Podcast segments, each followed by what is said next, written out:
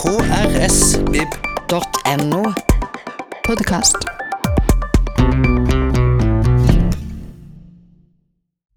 Hjertelig velkommen til fredagslunsj. Og jeg må si dere publikum er sårt savna her i salen. Uh, og da tenkte jeg at det var fint å få besøk av en der kjenner fra før, for vi har jo måttet kalle inn dagens gjest noen ganger for å eh, klargjøre for oss dette brexit-rotet. Nå er han her på besøk igjen. Eh, han er først, førstelektor på UiA, en av våre aller fremste eksperter på Storbritannia, men også litt av en ekspert på USA. Som han har tilbrakt de siste månedene i Midtvesten på skal vi se eh, Minnesota State University Moorhead. Ja, det stemmer. Ja, og du er nettopp ute av karantene etter at du da måtte avslutte hele gjesteopptreden i USA pga. koronakrisen. Men først av alt, hjertelig velkommen til takk. Jan Erik Mustad. Uh, ja, for, altså, du var der og måtte egentlig avbryte midt i semesteret. Ja, jeg skulle være der egentlig fram til sommeren Ja. eh, og undervise og forske på dette universitetet i Minnesota, som du nevnte. Men pga. at dette kom så brått på, eh, så måtte jeg avbryte dette oppholdet. Ca. etter to og en halv måned. Eh, Og alt var vel nokså normalt fram til begynnelsen av mars. Og så skjedde jo tingene veldig fort.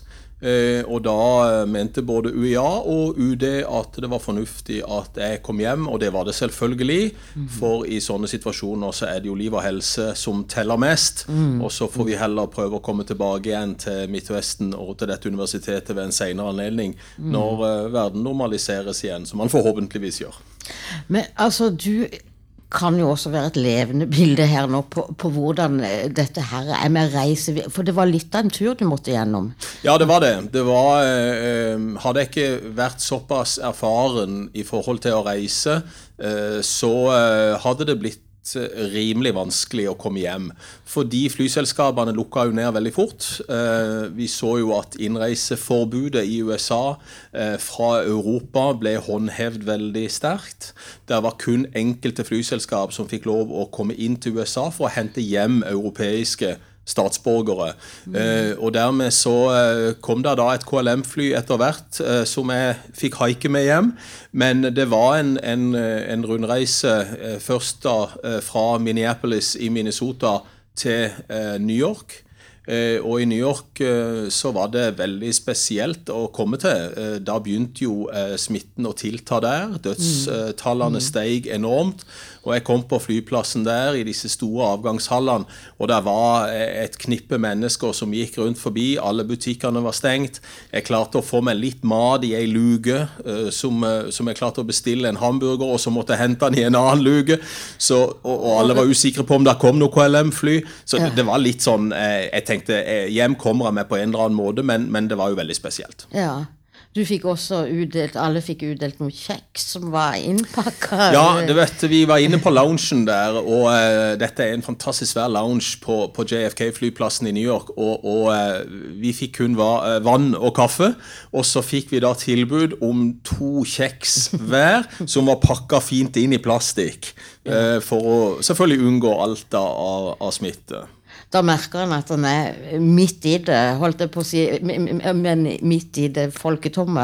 Og sånn. Ja, midt i alt, for det, det, det var jo da ikke et menneske egentlig. Alle butikkene var stengt, eh, og du kan da fra JFK-flyplassen se skylinen på Manhattan, og du visste at der inne så var det en kamp om liv og død, eh, som vi så i media, og som alle nordmenn så i media også. Eh, så, så var det ganske dramatiske forhold i, i New York. Så det var veldig, veldig spesielt å sitte der ute på flyplassen og, og tenke på alt dette her, altså. Det var det. I dag handler det både da om USA og Storbritannia i koronakrise. Eh, Det som vel kjennetegner eh, begge nasjonene og begge statslederne, er at de ikke tok dette på alvor i starten. Ja, eh, både eh, president Trump og statsminister Boris Johnson eh, var av de statslederne som mente at eh, strategien om å holde samfunnet åpent så lenge som mulig var det beste å gjøre. Mm. I Storbritannia så var en veldig opptatt av i den tidlige fasen dette som omtales som flokk immunitet. Mm. At uh, en så på det som en hvilken som helst annen influensa. Uh, og strategien i Storbritannia var rett og slett å tenke at vi må bare la folk bli smitta. Og så brer det seg så mye antistoffer i samfunnet at man får en flokkimmunitet. Og dermed så mm. kan man kanskje klare å holde samfunnet åpent. I USA eh, så har vi jo sett en president som har oppført seg så skammelig som det går an å oppføre seg som statsleder. Eh, og han har jo kalt dette her for eh, svineri, noe lureri, noe konspirasjonsmotstand fra, fra demokratene fra, andre, Kina, fra Kina, fra alt som er. Og, og, så, så, han har jo hatt en oppførsel eh, i, eh, gjennom denne krisen som, som, har vært aldeles forferdelig, rett og slett. Og det ser jo amerikanerne også nå, at nå står han enda og skylder på alt og alle og kutter støtten til Verdens helseorganisasjon. det er en av de tingene han har gjort denne uka. Ja, ja, det har han gjort denne uka. Og det kan man jo diskutere hvordan Verdens helseorganisasjon fungerer. Og det kan godt være at de må gjennom en eller annen form for eh, revisjon av sitt arbeid. Men den måten eh, den amerikanske presidenten gjør dette på, ja, det er jo mm. selvfølgelig under enhver kritikk. Mm. Uh, men han har støtte på akkurat dette blant republikanerne? Uh. Ja, det, republikanerne har han hatt støtte uh, fra gjennom uh, store deler av, av, denne krisen. For det som vi må huske her også, det er jo at til høsten så kommer det et valg. Og han tenker jo like mye på det valget. Og vi vet jo at amerikanske presidenter som har sittet én periode har stor sjanse til å bli gjenvalgt hvis økonomien er god. Mm. Og før denne krisen traff, så var den økonomiske situasjonen i USA ekstremt god. Arbeidsledigheten var lav. Eh, og dermed så var jo det en av grunnene til at han også holdt igjen med å lukke samfunnet. Ja. Fordi at han ønska selvfølgelig gjenvalg i ja. november. Og så vidt jeg kunne høre på nyhetene i dag, så melder han nå at han skal slippe litt opp igjen. Ja, det er lagt en plan om at eh, en del av USAs 50 stater skal åpne forsiktig nå, 1. mai. Eh, og at guvernørene i de forskjellige statene, det vi kaller presidentene i de forskjellige statene, mm. eh, som har samme funksjon som presidenten har på føderalt nivå, altså for, for USA, så er det de som da vil få ansvaret for å gjennomføre denne gradvis åpninga av de forskjellige statene. Og det er mm. ikke østkysten vi snakker om, og det er heller ikke vestkysten, som er de, de, de områdene hvor det er tettest befolka. Vi har jo mm. alle sett hva som har, har skjedd i New York, og, og, for så vidt også i California, men det er de midtre statene, altså det vi kaller Midtvesten, den øvre mm. Midtvesten, den nedre Midtvesten, eh, og litt bortover eh, mm. mot Colorado, mot Rocky Mountains. Der er det stater stater som ikke har all verdens med smitte. Eh, og de vil da begynne denne åpningsprosessen nå i slutten av april og begynnelsen av mai. Hvis de skal tro på det han sier.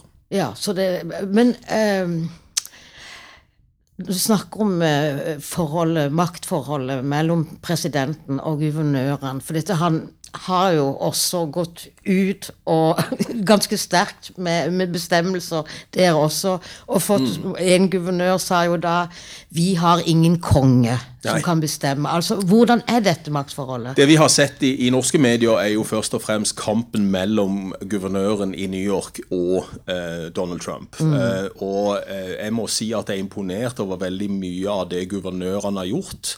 Eh, når vi har sett et totalt fravær av ansvarlig makt fra presidenten. Mm. Mm. Så vi må gi honnør til de fleste guvernørene som har egentlig gått imot alt det de har fått beskjed om fra Washington. Eh, rett og slett fordi at de så at det ikke var tjenlig for de sine egne stater. Mm. Og Kumo i, i, New York har vært en av de som har kritisert Trump hardest. Eh, både i forhold til lukking av samfunnet, men også i forhold til det at det er ikke eh, nok utstyr, det er ikke nok kriseplaner eh, fra Washington. Og, eh, så de har jo eh, vært veldig kritiske til alt. Men, men guvernørene eh, har egentlig tatt ansvar i dette vakuumet som oppsto da Trump eh, totalt avviste alle beskyldninger og sa at dette her kommer ikke til å feste på den amerikanske befolkningen. Dette er lureri og svineri og dritt og datt. Så det, det, er klart Guvernørene syns jeg her kanskje er de som har gjort den beste jobben med, med tanke på hvordan de har forvalta makten sin i de forskjellige statene. Mm. Og, og når han da vil slippe opp sitter de med muligheten da til å la være å gjøre det? De gjør det. Ja. Eh, så det betyr at eh, han nå eh, lar det bli opp til guvernørene i de forskjellige statene for å se hva som er fornuftig å gjøre. Og det er jo det selvfølgelig det eneste fornuftige fra en president også, å overlate dette til de som sitter med fingeren på pulsen rundt forbi USA, mm. og at det er de som da er ansvarlig for denne gradvise gjenåpninga. Men vi vet jo selvfølgelig i USA at det er sterke økonomiske interesser som styrer mye av dette. Og det mm. styrer det også politisk for Donald Trump. Men der er jo nå en enorm arbeidsledighet. Ja. Det er en enorm, eh, et enormt eh, oppbud eh, for dagpenger og hjelp og støtte. Matkøene hos de frivillige organisasjonene i de store byene de har jo aldri vært lenger, disse køene. Så nå er vi jo i en situasjon som er snudd helt på huet i løpet av én måned. Ja. Og det får jo enorme konsekvenser for folk. Og det har vi jo vært igjennom her i, i Norge også i forhold til krisepakker og, og, i forhold til eh, psykiske helseproblemer. Altså alle disse konsekvensene som dette eh, får. I USA er en jo først og fremst opptatt av økonomi og mm. arbeidsledighet. Mm, eh, så, mm. så, det er klart det får enorme økonomiske ringvirkninger med, med en så stor befolkning som de har. Og det, dette med nedstengte skoler, da, for dette for enkelte barn så er kanskje det det eneste sikre måltidet de har, det er gjennom skolen som da er forsvunnet? Ja, det som da skjedde i Minnesota, og det så jeg med mine egne øyne den, den, byen jeg bodde i, som, het, som, heter Fergus Falls, som, som, ligger en time sør for Moorhead i midtre, vestre Minnesota Skolen i byen der åpna opp for at barn og foreldre kunne komme og ta ut mat. Ja. Eh, så det betyr jo at, eh, som du sier helt korrekt, at veldig mange er avhengig av skolemåltider. Foreldre budsjetterer også med at de får mat på skolen. Så dermed så har de i Minnesota da sagt at skolene skal være åpne for at de skal kunne komme og få med seg mat hjem. Ja. Eh, så så dårlig er det i noen områder blant deler av befolkningen at den økonomiske situasjonen er sånn at de er rett og slett 100% avhengig av å få det måltidet fra skolen sin. Og det er jo litt til ettertanke eh, mm. i, i, forhold til hvor godt vi har det. Selv om mm. vi også har mm. våre ting i denne situasjonen, så, så tenker en at uh, dette er altså hverdagen i uh, store deler av USA. Mm. At uh, foreldre rett og slett regner med at skolen stiller opp og gir måltider. Mm. Og nå er det ikke bare barna som får mat, foreldrene får også mat. Mm. Så det sier jo sitt om, om, mm. hvordan veldig mange har det i, i USA. Ja, og så øh, sendes det også ut sjekker til de øh, mest lavtlønte da, mm. øh, nå. men der har det skjedd noe i det amerikanske skattevesenets historie for første gang. At de sjekkene blir forsinka. Og igjen så snakker vi jo da om Donald Trump. Ja, og dette her eh, var jo da en engangsutbetaling som folk under en viss inntektsgrense eh, skulle få. Mm. Eh, sånn at de skulle klare seg gjennom denne krisen. Men nå er jo alt dette blitt forsinka, og en lurer jo på om det kommer i det hele tatt. Eh, og det er jo masse skriverier i The New York Times og Washington Post, ser jeg nå, og også i lokale aviser rundt forbi, at de tror også dette er lureri, eh, at det er fake news, at folk ikke kommer til å få disse pengene, selv om de er lovt, og selv om skattemyndighetene også har sagt at det skal komme, eh, så er en da redd for at dette her bare forsvinner i eh, det store spillet som denne politiske lederen har spilt egentlig fra dag én på denne krisen. Og det man da ikke har sett i Europa, og heller selvfølgelig ikke i Skandinavia, det er jo at du har en president drøye halvåret før et valg spiller politisk mynt med, med folks liv og helse. Og det er jo igjen så kritikkverdig som det går an å, å få blitt, altså.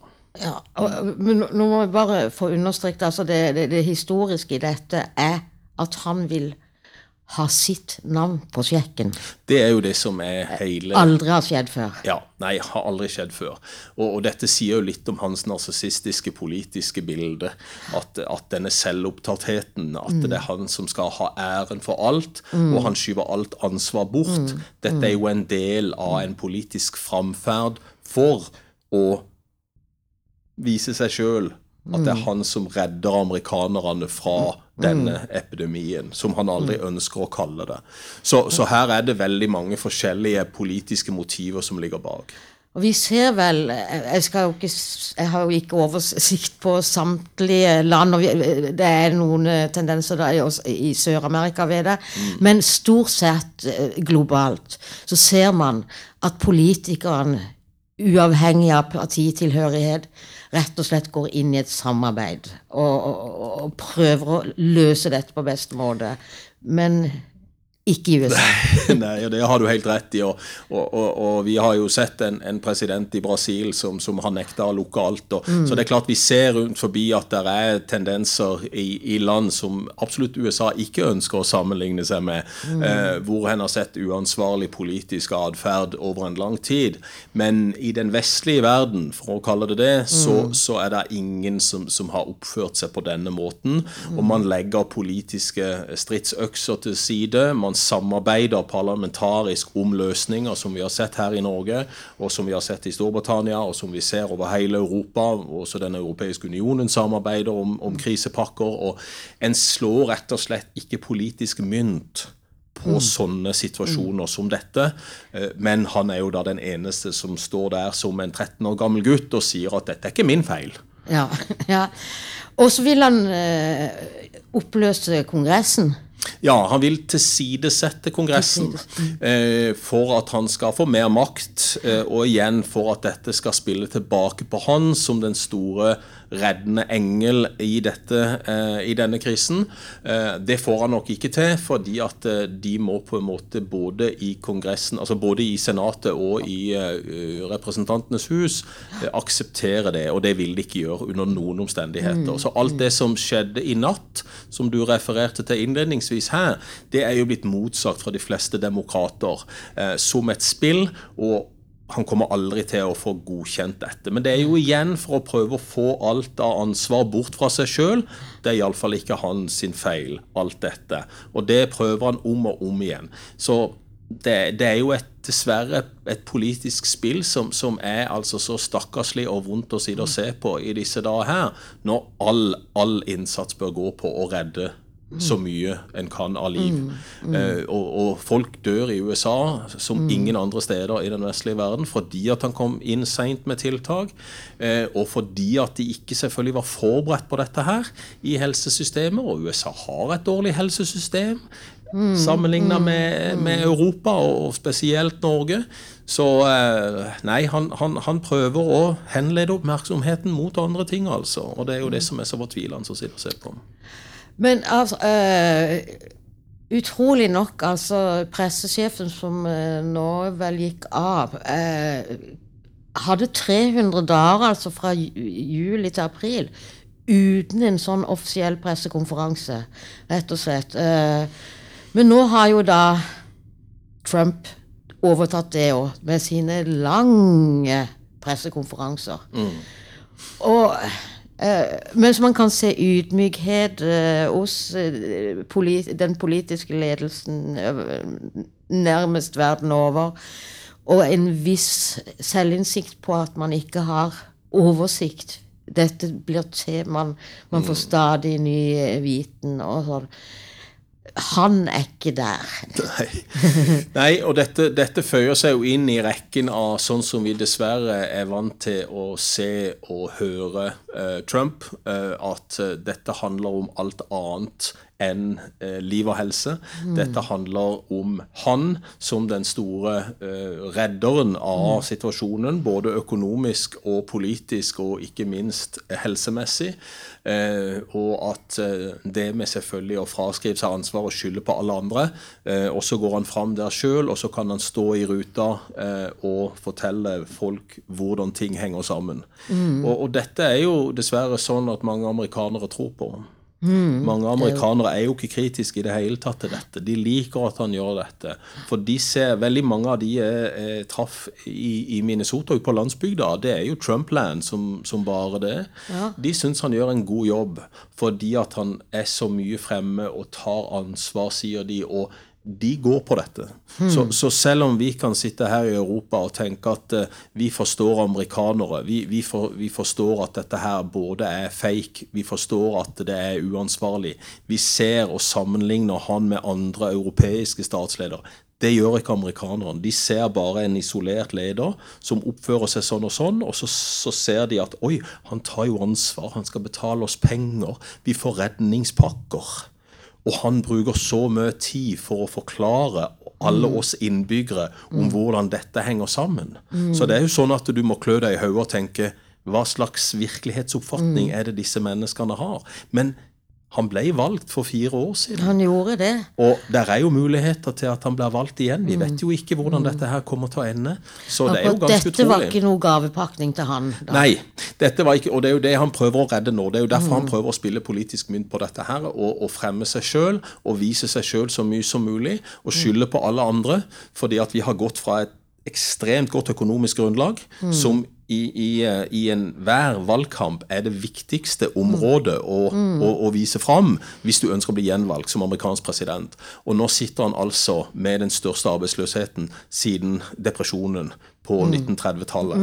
Eh, og dermed så er situasjonen snudd helt på hodet. Så dette er jo den, den verste utviklinga for han og for eh, muligheter eh, når det gjelder å, å bli valgt igjen, altså.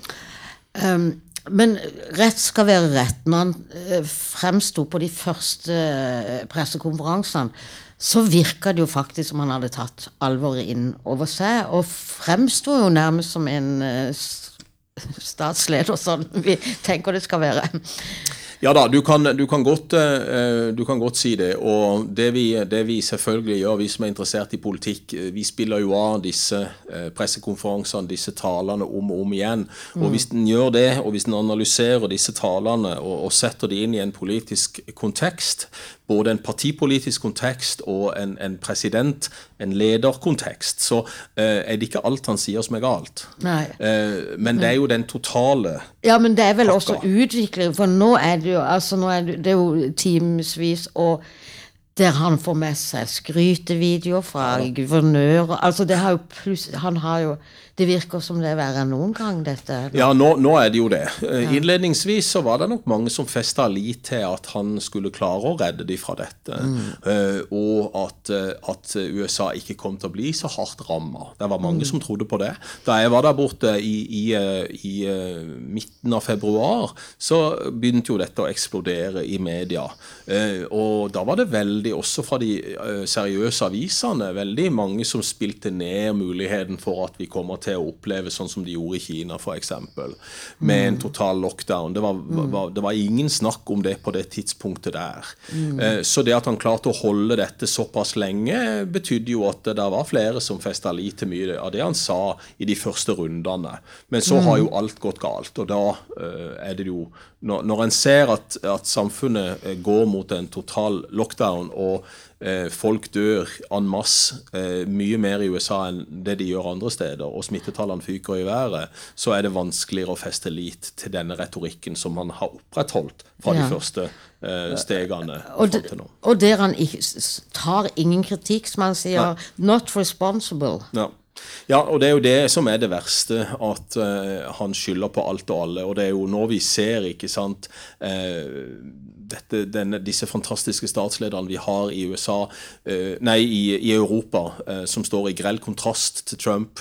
jeg ser jo fra New Zealand at denne vidunderlige statsministeren der nede kutter lønna si med 20% for å gå foran som et godt forbilde for resten av, av politikerne og resten av verden. hun har jo en så høy stjerne at det er nesten umulig å få en mer legendestatus i levende livet. Så, så der er jo noen statsledere da som, som, gjør alle de rette tingene. Og jo mer vi ser det, jo mer står jo det i kontrast til, til, til denne guttebassen borte i USA. Ja, og når han får konkrete spørsmål på pressekonferansen om hvorfor han ikke foretok seg noe mer i disse seks første ukene fra, fra de stengte trafikken til, til fra Kina og fram til det ble satt i verk tiltak. Da, han avviser det totalt. Mm. Da er det fake uh, news og fake Altså en lite troverdig press og, og angrep. Han skylder på alt og alle. Og mm. det vi så, var jo at jeg skulle sjøl til Seattle, bort til vestkysten. Uh, Seattle ligger jo i Washington State, som ligger helt uh, ut mot Stillehavet, uh, mm. nordvest i USA. det var jo den staten som ble hardest ramma i den første fasen.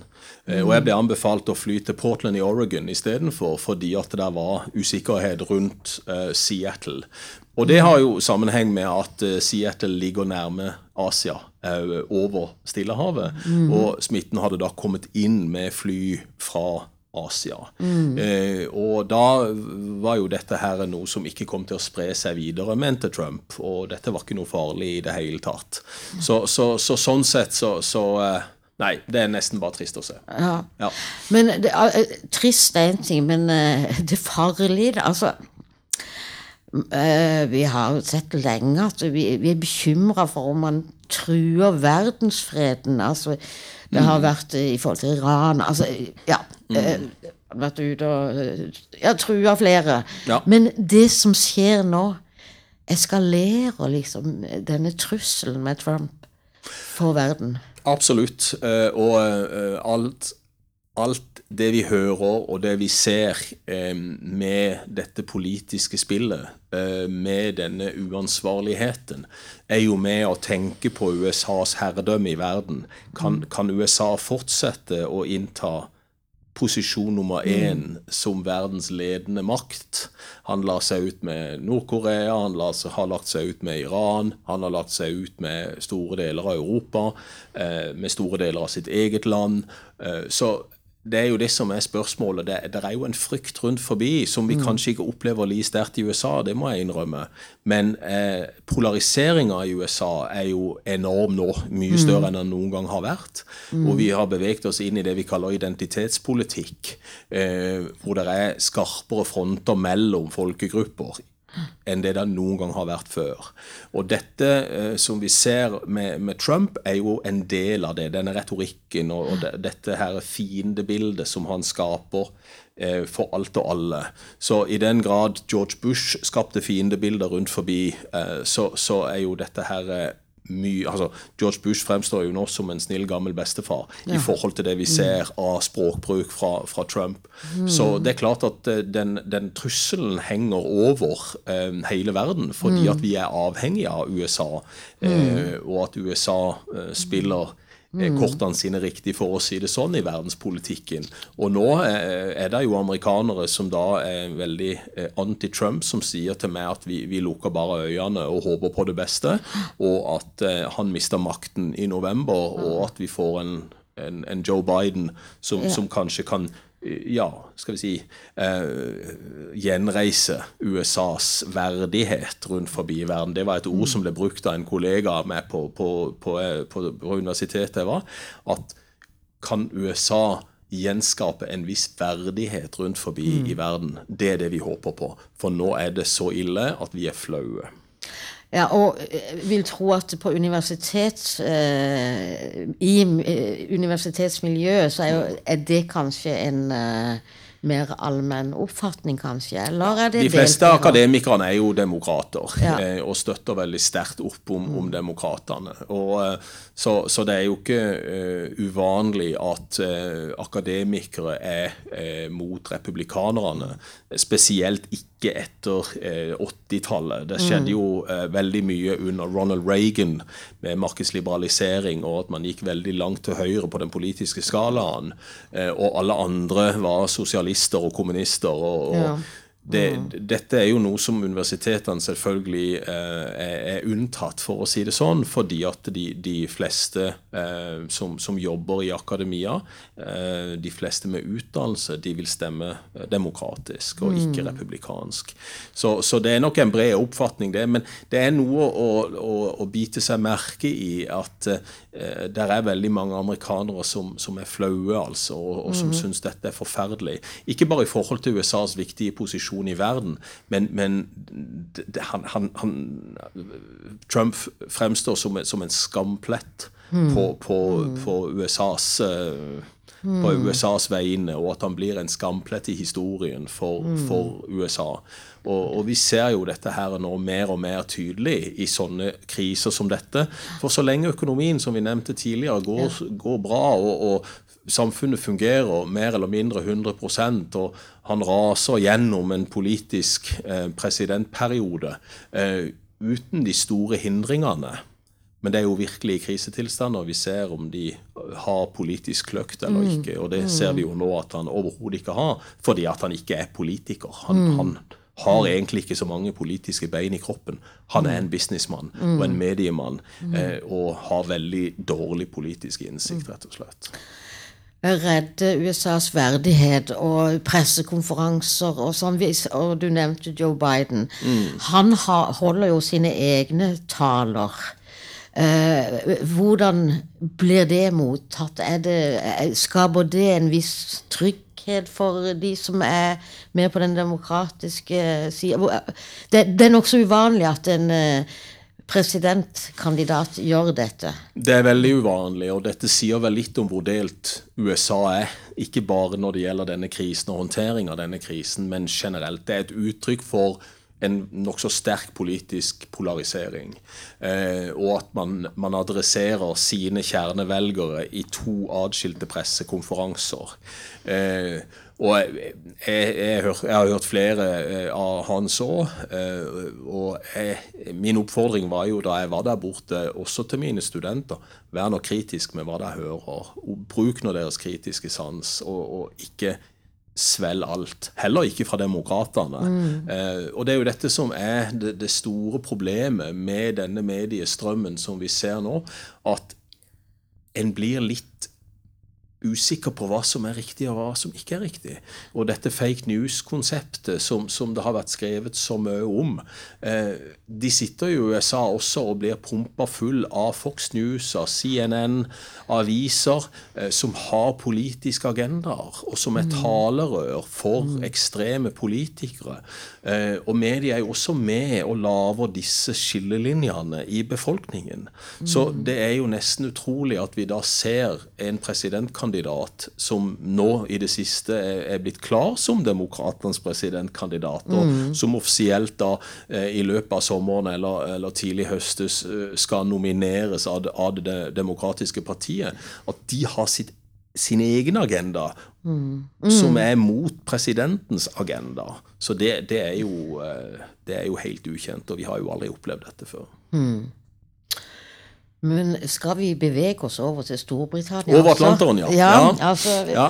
Um, uh, De siste tallene som jeg har fått eh, som jeg fikk med meg i går kveld, da, at det er registrert 13 700 koronadødsfall og 861 det siste døgnet.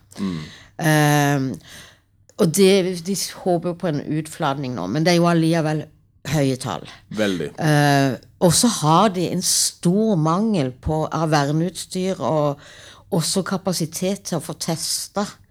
De står overfor store utfordringer, i likhet med USA, da, også i Storbritannia. Eh, og altfor fulle sykehus. Eh, og nå vil de opp fra De har 15 000 testninger nå og vil opp i 100 000. Men hvordan eh, er det mulig å få til når de har mangel på utstyr? Nei, det er jo det som har prega situasjonen både i USA og Storbritannia, at de har hatt eh, mangelfull beredskap. Eh, og eh, dette rammer eh, det britiske helsevesenet veldig, veldig hardt. Eh, og der er veldig mye fokus på den fantastiske jobben som det nasjonale helsevesenet gjør. Og det er ikke rart. Mm. Eh, fordi de som er i frontlinjen i Storbritannia, og som er i frontlinjen overalt, for all del, en, en, skal ikke kanskje skille mellom de som jobber i, i, i førstelinja i Norge, men i Storbritannia så har de en mye større utfordring, både fordi at man lukka samfunnet sånn som i USA altfor seint. Mm. og ganske dramatisk. Og ganske dramatisk, fordi at man lukka det nesten nesten fra den ene dagen til den andre. Eh, og dette er jo også politisk fra Boris Johnsons side, fordi at han var en av de som mente at vi måtte eh, gjennom denne flokkimmuniteten. Vi måtte holde samfunnet åpent, rett og slett av økonomiske grunner først og fremst. Og vi vet jo at veldig mange av de som er økonomisk sterke i Storbritannia, de stemmer det konservative partiet, som han er eh, partileder for, og dermed statsminister for øyeblikket. Så dette handler jo også om politikk i de mm. første rundene i Storbritannia. Men så så man jo hvordan dette eh, bar av sted, spesielt etter at det kom en studie fra Imperial College i London som mm. sa det at vi kan miste en halv million briter som kan dø pga. dette, hvis ikke vi setter inn tiltak nå. Og dermed så fikk han jo plutselig panikk, ja. Eh, og så lukka han ned mer eller mindre over natta og satte inn hæren på undergrunnen og uh, på togstasjoner for rett og slett å spørre folk hva var det de skulle ute nå, for nå hadde de fått beskjed om å holde seg inne. Så det britiske folket fikk på en måte ikke tid til å aklimatisere seg i det hele tatt. Det ble veldig brått fra et åpent samfunn til et komplett lukka samfunn. Og ganske skremmende, vil jeg tro. Ja, eh, På en mye sterkere måte enn eh, Ja, ja, ja, absolutt. Eh, og, og, og, plutselig så, så var det en, en, en, venn av meg som, som, sendte meg en melding fra London med et bilde fra en av togstasjonene eh, med hæren. Med geværer og, og, automatvåpen som gikk rundt, eh, og sa det at nå blir alle spurt om hvor de skal, eh, og hva som er hensikten med denne reisen som de eventuelt da skal i gang med. Eh, så det er klart han, han, han ble jo veldig skremt og syntes dette var unødvendig. Og hadde bare Boris Johnson fulgt de rådene som, som hadde kommet fra helsevesenet, mm. så hadde da situasjonen vært en helt annen. Da kunne man tatt det gradvis, sånn som man har mm. gjort i Norge og sånn som man har gjort i andre europeiske land. Sånn at folk fikk tid til å venne seg til tanken om at nå må de isolere seg og nå må de holde seg vekk fra andre, og ting blir avlyst. Mm. Eh, og ting blir stengt, skoler blir stengt, alle offentlige institusjoner blir stengt. Og det har vi jo sett i, i veldig stor grad har vært suksess andre steder, og ikke minst i Norge. Jeg er mm. meget imponert over hvordan vi har klart å få det til her.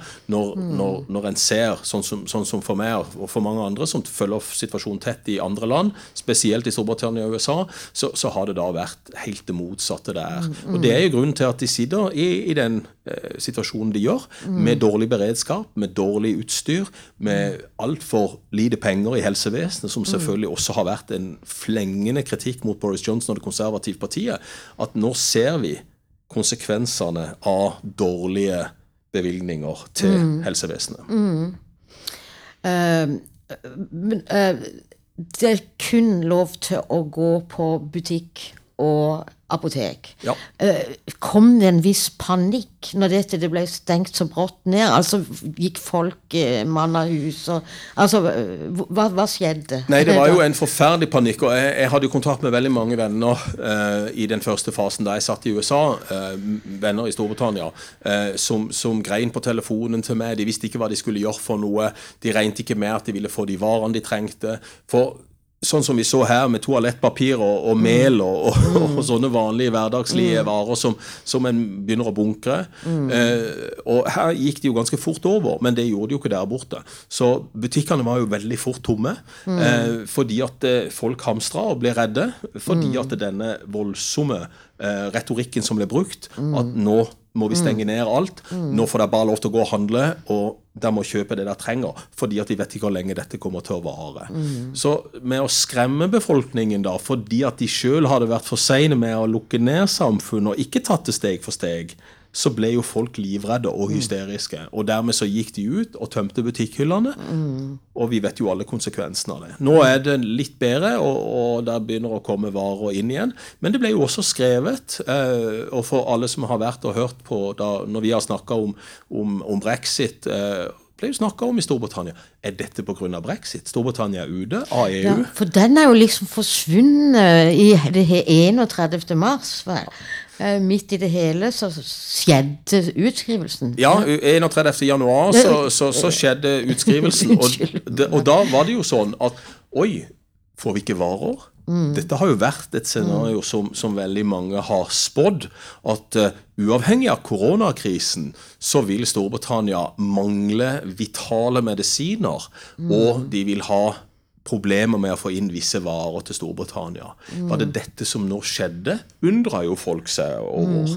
Eh, og her sitter vi i en krise. Vi har akkurat gått ut av Den europeiske unionen. Selv om vi Vi ikke mista det fellesskapet. Rett og slett.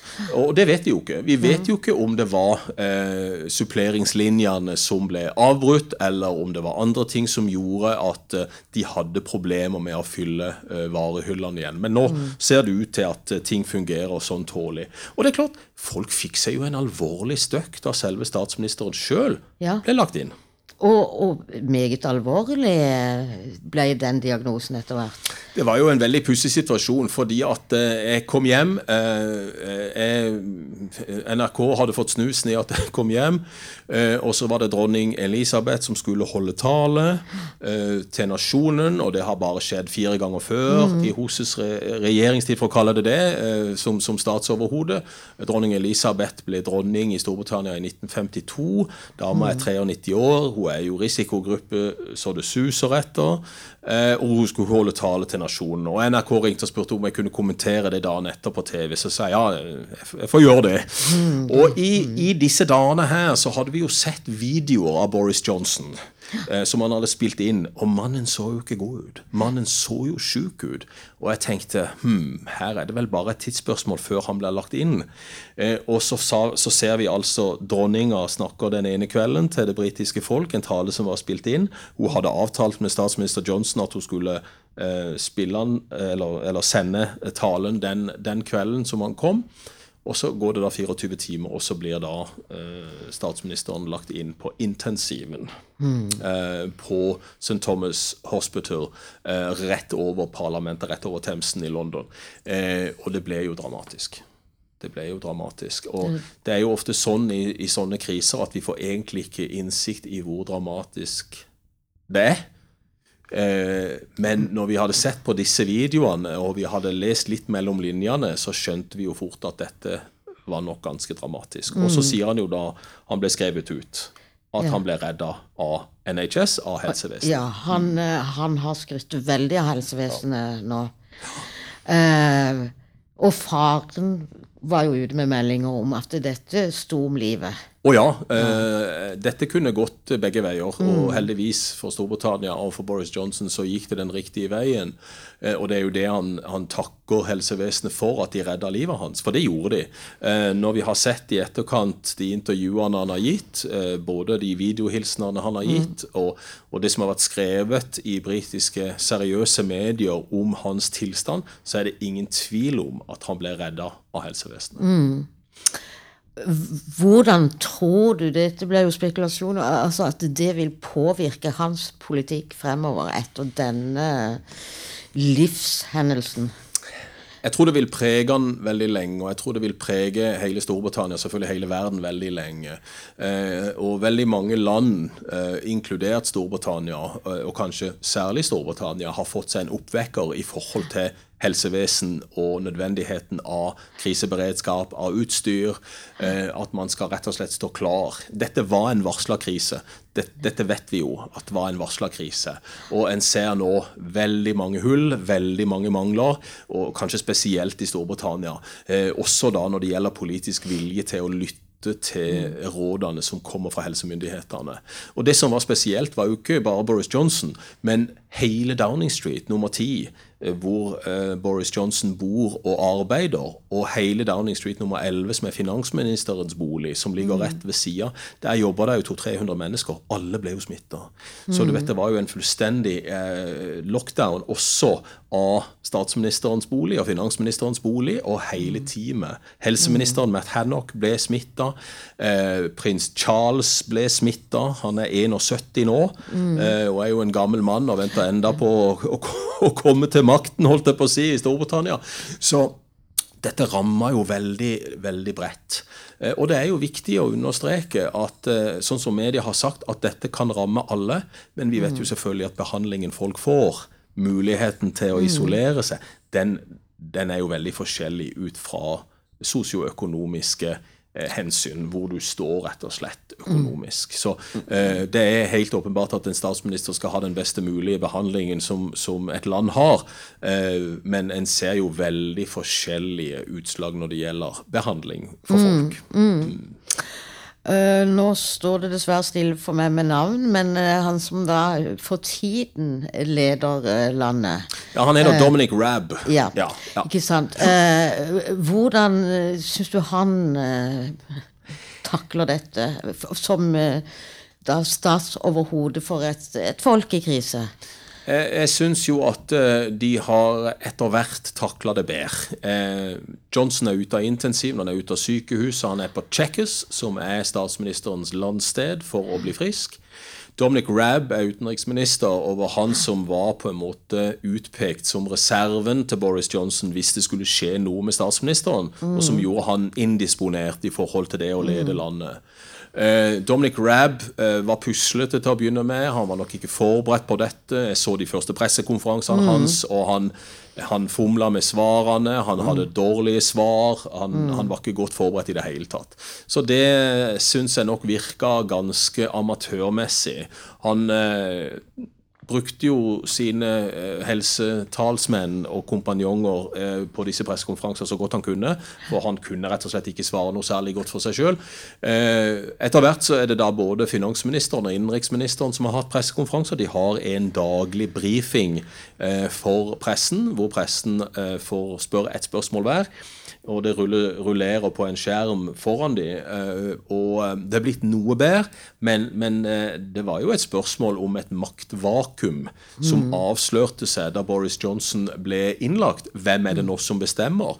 Er det et samla kabinett, altså en samla regjering? Er det Boris Johnson fra sykesenga? Er det Dominic Rabb som har ansvaret? Å ta beslutninger hvis det er nødvendig for å endre strategi eller endre tilnærming til dette, det fikk man aldri svar på. Eh, nå sier de da at det er et samla kabinett, at det er en slags konsensusbestemmelse som, som eventuelt skal ligge til grunn for at Storbritannia endrer kurs. Midt oppi dette så valgte Labour eh, det britiske Arbeiderpartiet sin nye leder. Han støtta bare opp under regjeringens linje. Mm. så i, i kontrast med USA, som vi var inne på i stad, så har altså eh, det britiske Arbeiderpartiet som det store opposisjonspartiet spilt på lag med regjeringen nå og sørga for at alle politikerne står samla bak det regjeringen gjør.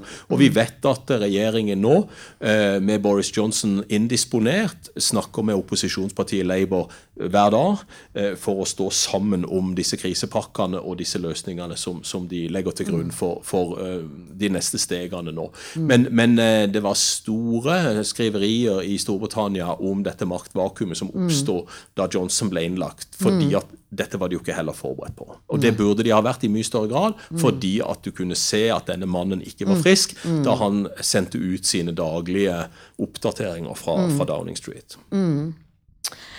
Eh, tror du Det er uvisst når han kommer tilbake. Han kommer til å trenge flere ukers hvile og sånn. Men kommer vi til, tror du, å møte en slags mer ydmyk Boris Johnson etter dette, eller går han på som før? Du vet, vi glemmer veldig fort. Eh, spørsmålet er jo hvor fort vi eventuelt glemmer eh, alt dette som er skjedd nå. Eh, så det kan godt være at vi ser en mer ydmyk Johnson. Eh, Det kan godt være vi ser et konservativt parti som ser nødvendigheten av å eh, gi mer penger til helsevesenet, mm. til offentlige institusjoner, til skoler, eh, for rett og slett å være mer forberedt hvis dette skulle komme igjen. Og vi vet jo at dette kommer til å komme igjen. Eh, Så det er jo bare et tidsspørsmål, fordi at vi har den atferden i den vestlige verden som vi har, og for så vidt også i Asia. Så en tenker jo at dette her vil komme tilbake igjen. Så Boris Johnson eh, har nå fått dette så tett innpå kroppen sin og eh, svevd mellom liv og død, som vi, vi visste han gjorde på intensiven. Eh, så det kan godt være at vi ser en annen type tilnærming til offentlige institusjoner, pengebruk, i framtida. Eh, men på den andre side, som jeg sa, så vet vi jo at eh, politikere glemmer veldig fort. Folk glemmer veldig fort fordi at man, man har en slags normaloppfatning, og at vi skal tilbake til normalen så fort det lar seg gjøre. Det ser vi i Norge, det ser vi i andre land. Og da er det jo spørsmål hvor mye tid eller hvor lite tid som går før en tenker at eh, nå er vi tilbake igjen. Ja, selv om det der med å sveve mellom liv og død kanskje kan forandre for eh, godt. Jeg håper jo det. Jeg håper jo det at det konservative partiet ser nå eh, at folk i Storbritannia har behov for et helt annet helsevesen, helt annet utdanningssystem enn det de har hatt før under konservative regjeringer. Så, så mitt håp er jo at både Labour, som, som stort sett sørger for det nasjonale helsevesenet når de er ved makten, men da også at de konservative kan lære litt av det, og kanskje se at det er nødvendig å ha en helt annen kriseberedskap enn det de har hatt. Men kommer de til å klare dette her med å teste 100 000 dager? Jeg tror, jeg tror ikke det, eh, fordi at det skal skje så enormt mye Ja. for at de skal få dette mai på plass. Ja. skal de få det på plass. Jeg tror ikke de gjør det. Eh, Men, men dette er jo også noe med den retorikken for å gi håp til folk. For å gi håp til, til kanskje folk som går og lurer på om de er smitta eller ikke. eh, Som vi har sett her også. Det er en, en, en del av den offentlige diskursen å prøve å holde folket i ånde, og, og, og de skal tro på, på nasjonale myndigheter. Nå er det jo en debatt i Norge om det er riktig å åpne skoler og barnehaver igjen nå, eh, fordi at folk er redde. Eh, og så er det da leger og offentlige personer og politikere som går ut og sier at vi må stole på eksperter. Eh, og vi kan ikke alle bestemme sjøl hva vi ønsker å gjøre. Det, det har vi ikke muligheten til. Og det samme er det jo i Storbritannia, at eh, politikere som har disse daglige brifingene i regjeringen, de ønsker jo å sørge for at folk kan føle seg trygge. De ønsker å eh, gi svar på spørsmål som media på vegne av folket, kan du si, stiller de. Eh, så, så det er jo samtidig et håp om at folk skal kunne klare å holde seg i ånde og holde seg isolert og følge de reglene som, som til enhver tid gjelder. Men at de skal klare å teste 100 000 innen få dette på plass innen 1. mai, det har jeg vel mine tvil om. Du var innpå uh, levende legender. Ja. Vi må nesten avslutte med en litt gladsak her. er En krigsveteran ved navn Tom Moore. Ja. Ja. Ja, altså Dette er jo fantastisk. Han, han, eh, han ønska jo eh, om Hvilken sum var det? Har du sett det? Jeg tror det var 1000 euro. Ja, Eh, 1000 pund, kanskje. Ja, pund. Ja, Eh, mm. Han skulle da eh, eh, dedikere 1000 pund til uh, helsevesenet med uh, en innsats i haven sin med gåstolen. eh, at han Ha, vi, vi må ikke glemme alderen her. Nei, han er 90, 99. Han er 99 år og en krigsveteran. Eh, og han ønsker da å eh, gjøre en innsats for helsevesenet, og på en måte takke de eh, for all den jobben de har gjort og gjør, eh, og ville samle inn eh, 1000 pund. Og mye endte han med? Har du sett den summen? For Ja, det er det ikke snakker vi ikke om 17 millioner pund? det var den jeg hørte i dag morges. Han, Ja. han, 17 millioner pund har han da klart å få inn. eh, Og prins William, som da er barnebarnet til dronning Elisabeth og tronarving, sa det at He's an absolute legend. Eh, og det er jo da i den grad som vi snakka om tidligere, eh, at en kan snakke om levende legender, så må jo 99 år gamle Tom være en av de. Og det, er jo ganske flott å se det bildet. Er det 100 lengder eh, Ja. han går? Og så står jo soldatene Ja, de står og hilser. Yes. Det er helt fantastisk. Så, og dette, disse private initiativene, eh, disse offentlige initiativene som kommer på rekke og rad, det er de gode på i Storbritannia. De er Mm. ikke så gode på det i USA. Men i Storbritannia er de ekstremt gode til å stille opp i sånne situasjoner. Om det er fotballklubber, Mm. eller om det er teatret, eller hva det er for noe. Og de er gode til å samle inn penger. Og, Mm. og denne eh, personen her, Tom, krigsveteran på 99, er jo et strålende symbol på dette. Han er vår helt nå. Han er og vår vi- helt i dag. Og vi får bare la oss inspirere. Tusen takk for at dere så på dette. Og tusen takk for at du ville komme til oss, Jan Erik Mustad. Og Jeg må bare si vi kommer tilbake med flere fredagslunsjer. Takk for det, Jan Erik. For det. Og riktig god helg til dere alle. Flere podkaster fra oss finner du på Google Podkast, Apple Podkast eller iTunes, eller ved å stikke innom vår hjemmeside på krsbib.no.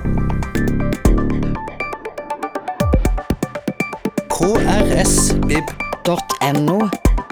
Podkast.